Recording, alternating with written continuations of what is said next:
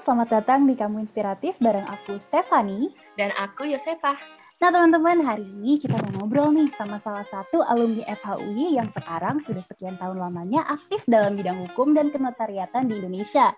Tapi sebelum kita kenalan sama kakak alumni kita yang satu ini, aku sama Yosepa mau sedikit memaparkan mengenai topik yang akan kami bahas. Pada zaman sekarang, banyak mahasiswa yang sudah paham mengenai isu-isu permasalahan yang ada di Indonesia maupun di kancah internasional. Namun sampai detik ini juga, ada yang tidak tahu mengenai permasalahan dan dasar hukum. Dilansir dari beberapa media outlet seperti CNN dan Detik News, masih banyak dari mereka yang hanya mengutamakan gengsi dan solidaritas, serta menyampaikan false ataupun misleading information melalui media sosial. Kamu Inspiratif pada episode ini akan mengajak teman-teman semua, khususnya para mahasiswa, untuk mendengarkan diskusi kami mengenai masalah ini bersama dengan Irma Devita. Selain menjalankan karirnya sebagai notaris, beliau memiliki sebuah platform edukasi bernama Irma Devita Learning Center atau IDLC. Selamat datang Bu Irma, apa kabar Bu? Halo, apa kabar Steph? Apa kabar Yosefa? Baik, terima kasih Mbak Irma yang sudah hadir meluangkan waktu untuk melakukan diskusi bersama kami. Jadi langsung saja kita mulai diskusi kita mengenai bijak berpendapat di media sosial bersama Ibu Irma Devita. Baik, mengingat peristiwa aksi demo oleh teman-teman mahasiswa tahun lalu mengenai RUU bagaimana pandangan Mbak Irma terhadap peristiwa tersebut? Dan bagaimanakah sifat Mbak Irma apabila terdapat mahasiswa yang tidak mengetahui masalahnya, namun ikut aksi atas dasar solidaritas? Ya, ini menarik banget ya pertanyaannya Stefani nih ya. Nah, cuman kecenderungannya berbeda dengan mahasiswa pada angkatannya saya ya pada waktu itu kita memang informasi tidak terlalu banyak, tapi hoax pun juga nggak terlalu banyak begitu. Jadi kalau misalnya kita ingin mengetahui sesuatu ya kita harus belajar dan membaca informasi tersebut secara detail begitu. Nah, otomatis ketika uh, ada isu tentang sesuatu hal yang wah ini kayaknya nggak benar nih gitu, kita nggak bisa otomatis menentukan bahwa uh, wah itu memang salah dan memang kita harus uh, melakukan demo ataukah kita menentang. Karena yang saya uh, alami atau yang saya perhatikan pada akhir-akhir ini sebenarnya apa sih kenapa sih ke orang ribut masalah RUU atau KUHP gitu kan? Esensinya nggak pernah tahu cuman dengar katanya dan kejelekannya dari uh, anak muda sekarang. Artinya ya termasuk mungkin generasi pada umumnya ya hanya memberi membaca berita kepalanya saja. Padahal itu biasanya adalah clickbait. Padahal itu tetap harus dibaca dulu. Jadi dari dari judul aja sudah langsung bikin satu kesimpulan. Padahal belum tentu. Sebab kebanyakan uh, dalam kondisi akhir-akhir ini masyarakat ini banyak menganggap bahwa uh, bad news is good news. Jadi artinya uh, kayaknya kalau tidak ada sesuatu hal yang di make up gitu kayaknya hidupnya itu kok kayaknya datar-datar aja gitu kan akhirnya dibuatlah suatu uh, apa ya inovasi-inovasi yang sikapnya sifatnya uh, berlebihan terkadang. Nah terkait dengan demo-demo mahasiswa, saya berpikir bahwa demo itu pada dasarnya diberikan suatu uh, hak oleh undang-undang kepada masyarakat untuk menyalurkan pendapat, untuk menyatakan pendapat.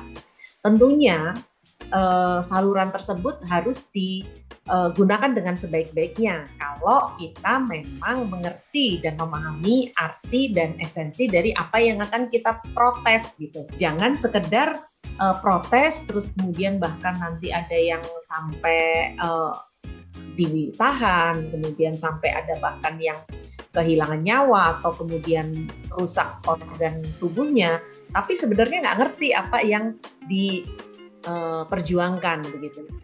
Makanya kenapa uh, saya selalu menyarankan anak muda untuk tidak lelah membaca. Jadi baca, baca, baca. Karena bagaimanapun uh, saat ini terlalu banyak hal yang simpang siur. Jadi kita harus memastikan bahwa berita itu adalah suatu hal yang benar. Terus kemudian kalau ada satu isu, kita tetap harus sebagai mahasiswa berkaca dan kita uh, menelaah bener-bener bener-bener nggak sih yang di yang diprotes ini sebenarnya kubu mana sih gitu? Apakah ada kepentingannya nggak sih kayak gitu? Mungkin begitu ya, Steph ya, ya ya. Uh, satu pertanyaan lagi sebelum kita closing, apakah mm -hmm. menurut Ibu Irma hal-hal apa sih yang penting dan perlu diperhatikan khususnya sebagai mahasiswa ya berbicara di uh, publik dan di media sosial? Nah, ini penting banget pertanyaan yang penting dan menurut uh, saya juga buat uh, adik-adik UI, adik-adik mahasiswa, kalian ini adalah kaum intelektual kaum intelektual itu menggunakan pikirannya daripada perasaannya, daripada juga mental. Ada baiknya selalu melakukan check and recheck terlebih dahulu sebelum memposting sesuatu di sosial media. Terutama kalau kita bicara bahwa zaman dulu mulutmu adalah harimaumu, sekarang jarimu, jempolmu itu adalah harimaumu. Karena orang bisa ditahan karena memberikan ujaran kebencian yang sebenarnya mungkin buat supaya kelihatan gagah gitu kan. Padahal sebenarnya pada saat dia melakukan ujaran kebencian itu tanpa dia sadari, itu akan merusak mental yang bersangkutan juga. Dan itu secara tidak sadar bisa menyebabkan orang lain menjadi depresi karena ada sosial media bullying misalkan, bahkan pengen bunuh diri, cuman gara-gara suatu cyberbullying begitu. Atau misalkan orang kita citra kita bisa rusak dalam satu hari cuman gara-gara kita nge-tweet atau bicara yang seenaknya. Padahal untuk menjaga branding personal branding uh, personal image itu tidak dilakukan cuma dalam satu dua hari, tapi dilakukan selama bertahun-tahun dan itu harus sesuai antara apa yang kita lakukan dan kita ucapkan. Supaya itu yang menjadi integritas buat kita pada saat kita nanti bekerja dan meniti karir karena jejak digital itu sangat kejam jejak digital itu nggak gampang dihapus makanya kenapa nah. kita harus selalu menjaga jempolmu itu dulu saya kalau waktu saya masih mahasiswa saya tuh uh, dulu memang nggak ada sosial media ya. Saya kalau misalnya saya kesel, saya mau marah-marah, saya ambil kertas, saya tulis panjang lebar, begitu kertasnya saya robek-robek, atau saya ketik sampai berlembar-lembar. Nah setelah itu udah, saya nggak kirim. Tapi amarah saya itu tersalurkan begitu. Makanya dalam sosial media kalau kita sudah dalam era digital ini, kita dalam kondisi marah atau kesel, lebih baik jauhin aja sosial media. Kalau perlu kita puasa medsos sementara.